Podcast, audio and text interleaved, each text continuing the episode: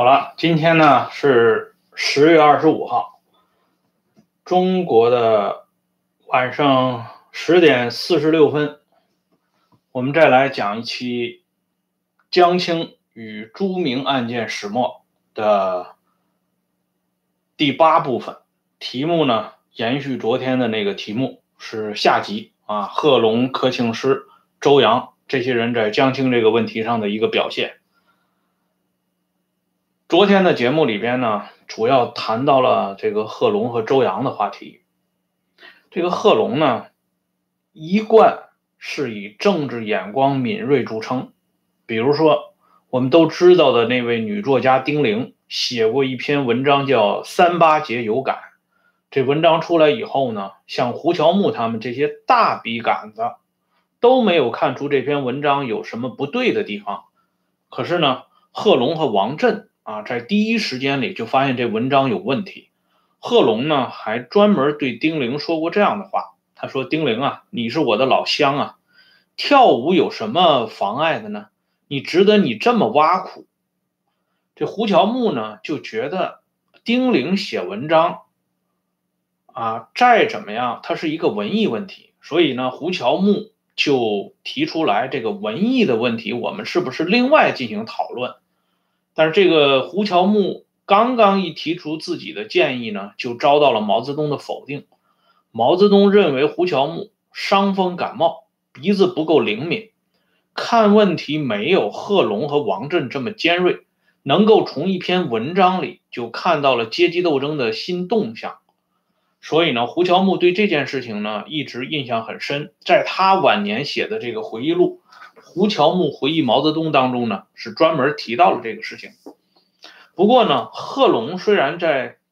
三八节有感》这篇文章上啊，眼光异常的敏锐，可是呢，在同江青吃饭的时候呢，却不知道因为什么原因啊，提出了关于唱歌跳舞的事情啊，于是呢，就遭到了江青后来的反感。啊，这个话题呢，昨天已经讲过了。相比较贺龙而言呢，王若飞的在婚宴现场的表现就非常的好。王若飞这个人呢，毛泽东对他一开始是很器重的。啊，据这个胡乔木回忆呢，在起草历史决议的问题上呢，毛泽东对借助王若飞的地方很多，而且呢。毛泽东对王若飞的一些发言、一些讲话也相当欣欣赏。在延安有一次开群众大会，王若飞代表中共中央做了一个声明，毛泽东当时就讲，他说如果有千金可赏的话，就是说可以拿出千金啊来对一个人进行赏赐的话，他说这个钱应该给王若飞，因为王若飞是一字千金啊。毛泽东呢那个时候专门还说过这样的话。说王若飞很厉害，你看关山度若飞，啊，关山重重都阻隔不了王若飞，所以呢，那个时候毛泽东对王若飞非常欣赏。王若飞呢，也是出现在第一次的这个婚宴现场里边，可见呢毛对他的器重的程度。而且呢，王若飞这个人呢不多话啊，到了现场以后呢，就是吃饭喝酒。据这个跟王若飞关系不错的邓小平晚年曾经回忆啊，邓小平在江西的时候，那个时候正是啊处于重重困境之中，啊，也正是因为这个时候呢，邓小平呢开始打开自己的记忆闸门，对自己以前的老战友呢进行了一番搜索啊，其中呢就谈到王若飞，他说若飞这个人呢，他不太能喝酒啊，他酒量不行，但是这个人呢。他喜喜欢喝酒，他是好酒啊，但是不能喝啊。邓小平的这个回忆还是相当准确的，因为在第一次婚宴现场呢，王若飞就喝喝醉了啊。他呢不像贺龙啊，说了那些不该说的话，他是闷头吃饭喝酒，可是一不留神呢，把这个酒给喝高了。喝高了以后呢，这王若飞就有所失态啊，不停的说这个一句话：右倾机会主义。反复的重复这句话，所以毛泽东一看这样呢，就赶紧让叶子龙把王若飞就给扶出去了。这王若飞后来呢，他在毛泽东的印象当中呢，就不再是那么好了。因为胡乔木回忆了这么一段话，他说：“这个主席呢，后来发现啊，王若飞他抓事务性工作比较多。知道在党内，抓事务性工作最多的啊，首推是周恩来。周恩来自己呢也说过，说我这个人呢有一点事务事务主义啊，我是一个事务主义者，举轻若重啊，不像小平他们呢举重若轻。”啊，这是周恩来对自己的一个自我评价，所以通过胡乔木的这个回忆呢，啊，说王若飞因为抓事务性工作比较多，失去了毛泽东对他一开始的器重。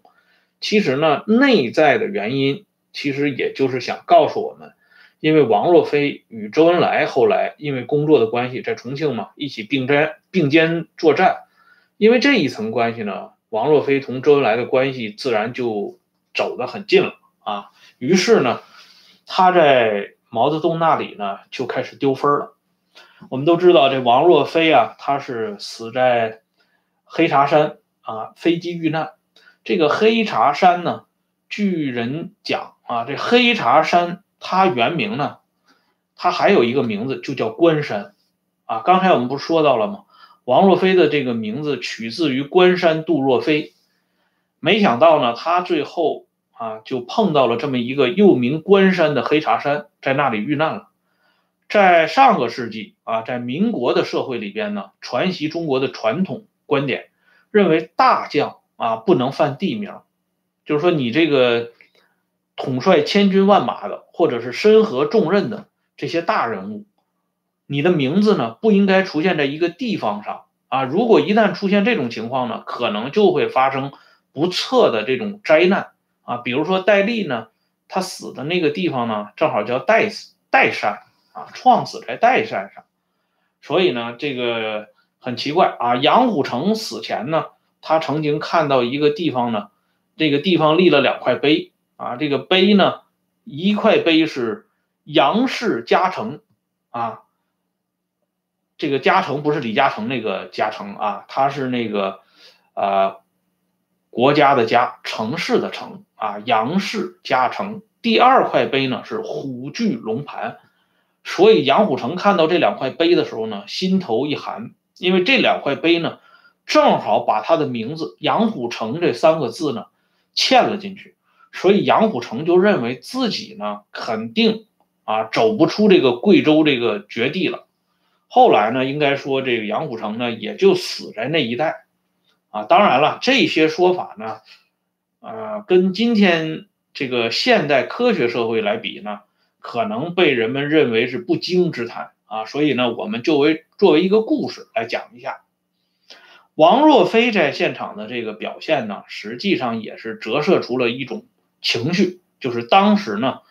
在毛和江的这个婚姻问题上，多数人是选择明哲保身，不敢过多的发声。相比较贺龙和周扬呢，柯庆施、柯老呢，他的做法就非常具有独到之处。昨天呢，节目里边有的朋友就开始问说，这个在整风抢救运动的高潮的时候，江青在做什么？啊，大家呢，如果仔细一点听以前我在讲李锐系列的时候，是专门提到过柯庆施的。啊啊，不是李锐系。系列是文革史系列啊，就是这个讲柯老的，啊柯庆施和周恩来的那个历史渊源啊，讲柯老早年的历史的时候，专门提到过江青。柯庆施呢，在做报告，在整柯庆施的过程当中，江青是始终在现场的。也就是说，抢救运动的时候呢，江青的主要身份更像是一个联络员啊，到处呢包打听，把听来的。看到的东西呢，如实的向中央进行汇报。柯庆施和江青的这个渊源呢，最早是结识于延安，但是呢，真正两个人结下深厚的这个战斗友谊呢，却是在南京。啊，一说到南京呢，我们先提到一个重要的人物。刚才呢，我在这个群里边已经告诉大家了，今天我们要讲到一个公安部第一任政治保卫局局长，后来担任公安部副部长的陈龙。陈龙呢是地地道道的东北人，曾经参加过东北抗日联军，他是毛泽东身边著名的二龙之一。啊，毛身边有两个主要的啊，负责这个勤务工作的重要工作人员，一个呢就是我们都知道的叶子龙叶科长，再一个就是这位陈龙。当然呢，还有人提到毛泽东去重庆谈判的时候是三龙啊并排保护毛泽东。三龙另外一条龙呢就是龙飞虎，一九五五年被授予少将军衔，但是龙飞虎呢，他本身。他是一马双跨，他同时呢还是周恩来的这个警卫人员，啊，同这个叶子龙与陈龙的关系不同，陈龙和叶子叶子龙一直就是专门为毛泽东负责警卫、安全、勤务、内务等一系列工作的，特别是这个陈龙，毛泽东呢相当看重陈龙，啊，应该说呢也是一个挺巧合的事情啊，这个中国共产党。第一代和第二代两代领导集体核心，他身边的重要的警卫人员呢，啊，不知道为什么都是东北人啊。毛泽东身边的这个陈龙呢是东北人，邓小平他身边的这个警卫员呢，就是后来担任中央警卫局副局长的张保忠少将，后来又提到中将，张保忠呢也是东北人啊，很有意思这个现象。陈龙这个人呢，可以说是一个孤胆英雄。后来公安部的群众出版社专门出版了一本《陈龙传》，啊，写的呢很传奇。陈龙呢，毛泽东在到了北平之后，嗯，就提出来要把还在还留在东北局社会部工作的陈龙呢调到身边来，啊，毛就是喜欢陈龙。他向李克农他们表达了这个意见啊，李克农、汪东兴都知道，说要把陈龙给搞过来。可是呢，陈龙呢，他不愿意到毛泽东身边工作，所以呢，他专门写了一封信，啊，交给汪金祥。汪金祥也是后来也担任公安部副部长。汪金祥，我们在讲延安保安处的时候专门提到过这个人。他让汪金祥呢把这封信交到李克农手里。通过李克农呢，给毛泽东转呈上去，提出自己的这个看法。陈龙为什么放弃这么宝贵的机会啊？在外人看来，能够到领袖身边工作，并且是领袖亲自点名让你去，那怎么可能就是这么随便的就放弃了呢？实际上呢，这也就联系到陈龙跟江青他们之间呢，曾经有过这么一次不愉快的交接。啊，这个事情呢是发生在婚宴现场之后不久。陈龙这个人呢，他是我讲到了，他是个东北人，他有一个非常有意思的绝活啊。这个人呢非常善于烹饪啊，喜欢做这个各种各样有滋味的这个饭饭菜。他其中呢比较拿手的啊，《陈龙传》里边也提到，他非常拿手的一个事情呢就是炸茄盒啊，就是炸茄夹啊。南方人管茄盒叫茄夹啊，比如说武汉人比较喜欢吃的，呃，藕夹啊，这个两片藕呢，中间夹上肉馅儿，然后裹上这个鸡蛋糊，啊，炸制而成。这个菜呢做的很香啊。这陈龙呢做的是茄盒啊，茄盒呢是东北菜里边或者说是北方菜系里边一个很有名的家常菜。在延安的时候呢，这个自己种了很多大茄子啊。当然了，那里边这茄盒里边就不可能再夹肉馅了。那个时候生活比较清苦啊，就把两片茄子和鸡蛋糊一挂，然后就开始炸。陈龙炸茄盒的故事呢是很有意思的啊，甚至呢有很多乐子。这里呢我们就不再进行啊详细的解说了，咱们就说这个他和江青之间这个矛盾呢，也是因为炸茄盒产生的。因为陈龙炸茄盒呢，在延安是有名气。所以呢，毛泽东就想尝一尝陈龙做的炸茄盒。这陈龙呢，费了很大力气啊，把这茄盒呢就炸好了，准备呢留给这个主席回来的时候吃。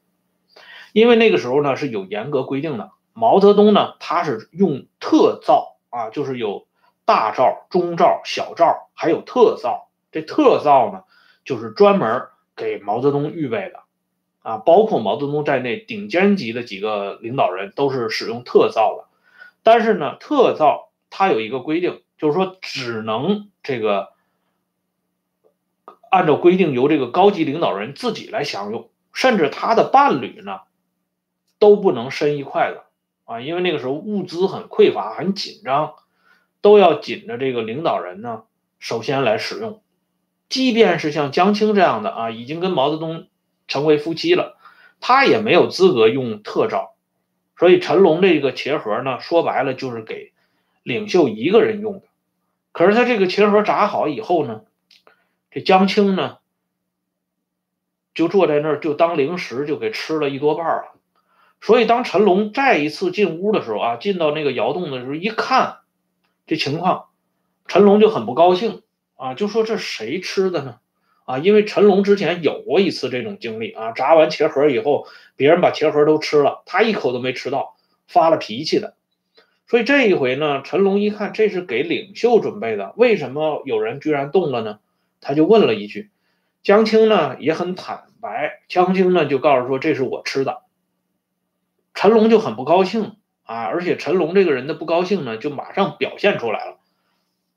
他就说这是给主席准备的。江青呢也很不高兴，江青就说了一句话，说给主席准备的，我尝一尝怎么就不行了？陈龙呢这话就也挺难听的啊。陈龙说这个呢是按照规定给特照啊准备的。陈龙就补充了这么一句话。江青听完这句话以后呢，脸色一变，啊，起身就走了。两个人有这么一个过节。所以呢，当陈龙到了南京市担任这个南京市公安局局长的时候，因为南京当时是刚刚攻克的国民党的首都，所以南京当时的问题呢很复杂。罗瑞卿亲自点名让陈龙到南京去。到南京以后呢，他在走离开南京之前，他是先到北京，到罗瑞卿那里进行报道。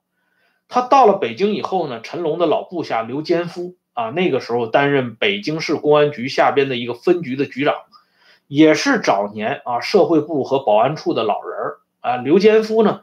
就专门来给陈龙送行。送行的过程当中呢，刘坚夫就跟陈龙讲，说我没想到啊，说这个我们刚进北京城啊，刚进城，这个江青同志他怎么能对这个中央警卫部队的工作人员这么一个态度呢？这个刘坚夫就把这个事情呢来龙去脉就跟陈龙讲了。陈龙听完以后呢，脸色非常难看。然后呢，他就跟刘坚夫说了这么一句话：“他说你不要搭理这个江青啊，你离他远一点。”刘坚夫说：“我想离他远是不可能的，因为我这工作性质就注定我要经常跟他打交道。”陈龙说：“那你也要离他远一点。”啊，陈龙就甩下了这么一句话，就离开了北京，直奔南京。以前有过一个老电影啊，叫《蓝盾保险箱》。今天的节目里边呢，我就跟大家推荐一下，大家可以看一看这部老电影，是由这个陈数啊主演的，这个老演员了，《渡江侦察侦察记》里边的这个侦缉处处长。这个电影呢，就是讲到南京市啊刚刚这个建立政权以后，这个市面呢非常混乱啊，发生了这个抢劫外国。领使馆的这么一个事情，这个事情的原始出处呢，就是在陈龙到了南京市担任公安局局长以后发生的事情。当时抢的是埃及驻华大使馆，还打伤了人，所以北京呢非常震怒，限期破案。陈龙领导下呢，就是只用了三天就把这案子给破了。所以这件事情呢，在当时也非常轰动。陈龙到了南京以后呢，他直接面对的啊，直接指挥他的领导人是谁呢？就是柯老柯庆施，柯庆施当时是南京市市长，同时是南京市政府党组书记兼中共南京市委书记，就是南京的党政一把手。陈龙呢，鉴于这个市面上非常混乱啊，很多这些地痞流氓以及这个国民党留下的残余分子要搞这个兴风作浪的这些事情呢，陈龙主张狠狠的镇压。啊，这是一贯用这个无产阶级铁拳面对的啊，这个事情呢也是非常正常的。但是这个报告呢报到柯庆施那里以后呢，柯庆施在这个报告上啊，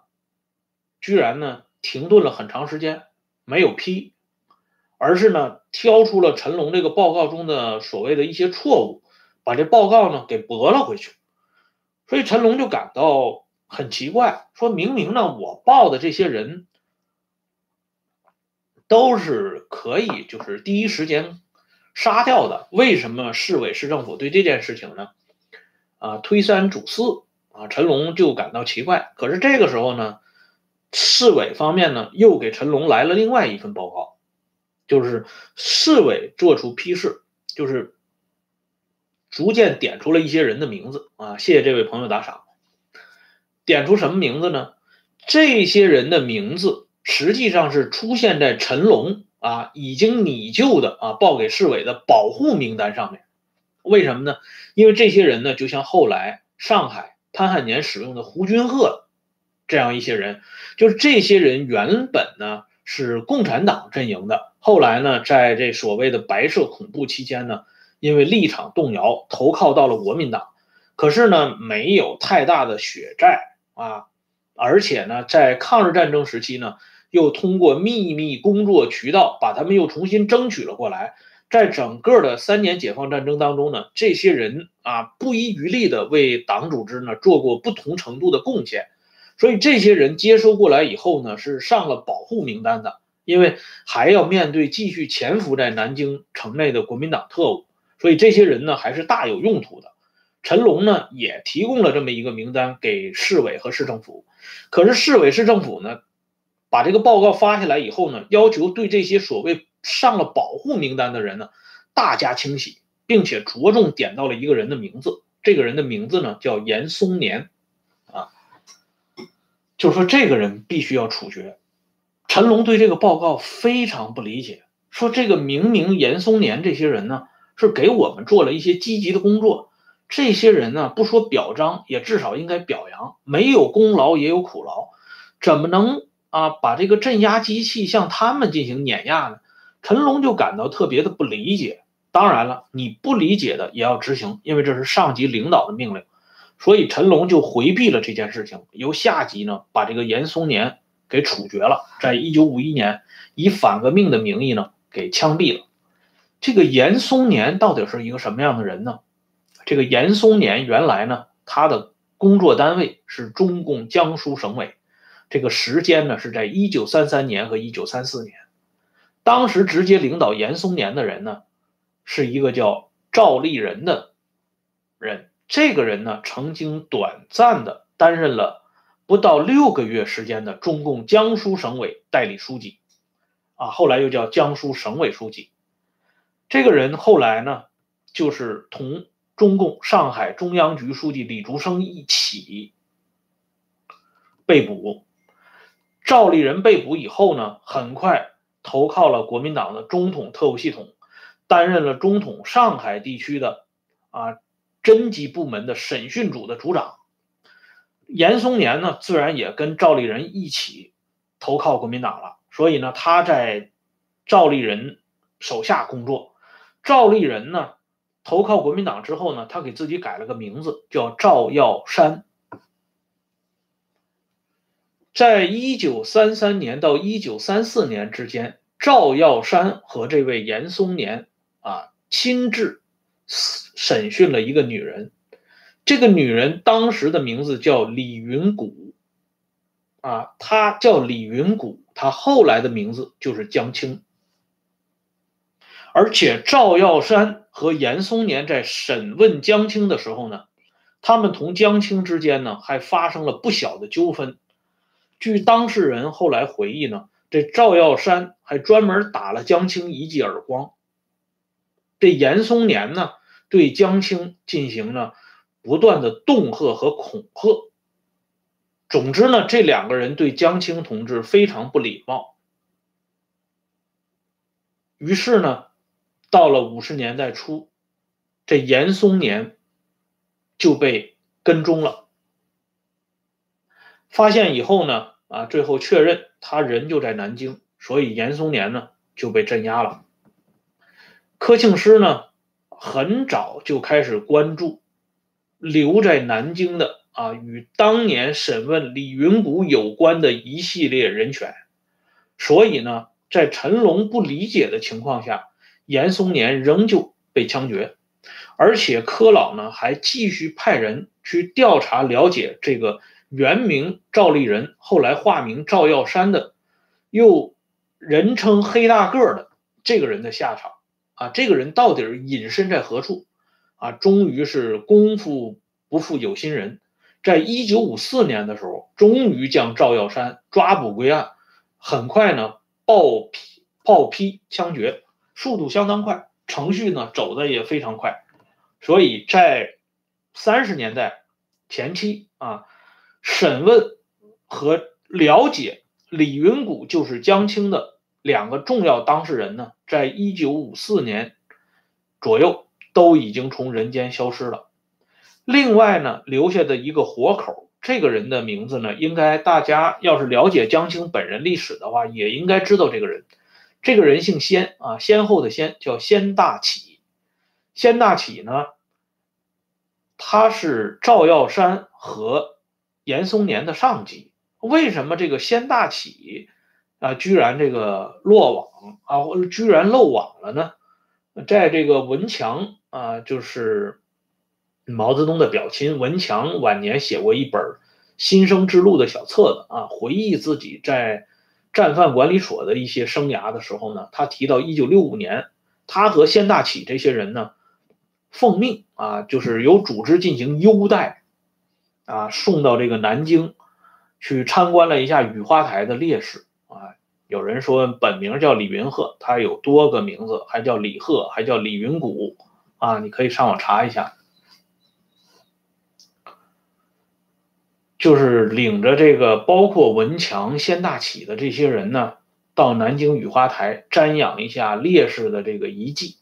啊，也就是说呢，当时先大启在一九六五年的时候，这个人居然还是安然无恙。到了一九六八年文化大革命的时候呢，先大启呢奉命写过一个外调的交代材料，这个材料呢后来也是公布出来的。到了一九七七年啊，开始这个已经开始对江青进行专政的时候呢，先大启又一次的啊向上级领导部门提供了关于李云谷的一些历史事实。非常有意思的是，直到一九七七年啊，先大启才知道这位李云谷就是赫赫有名的江青。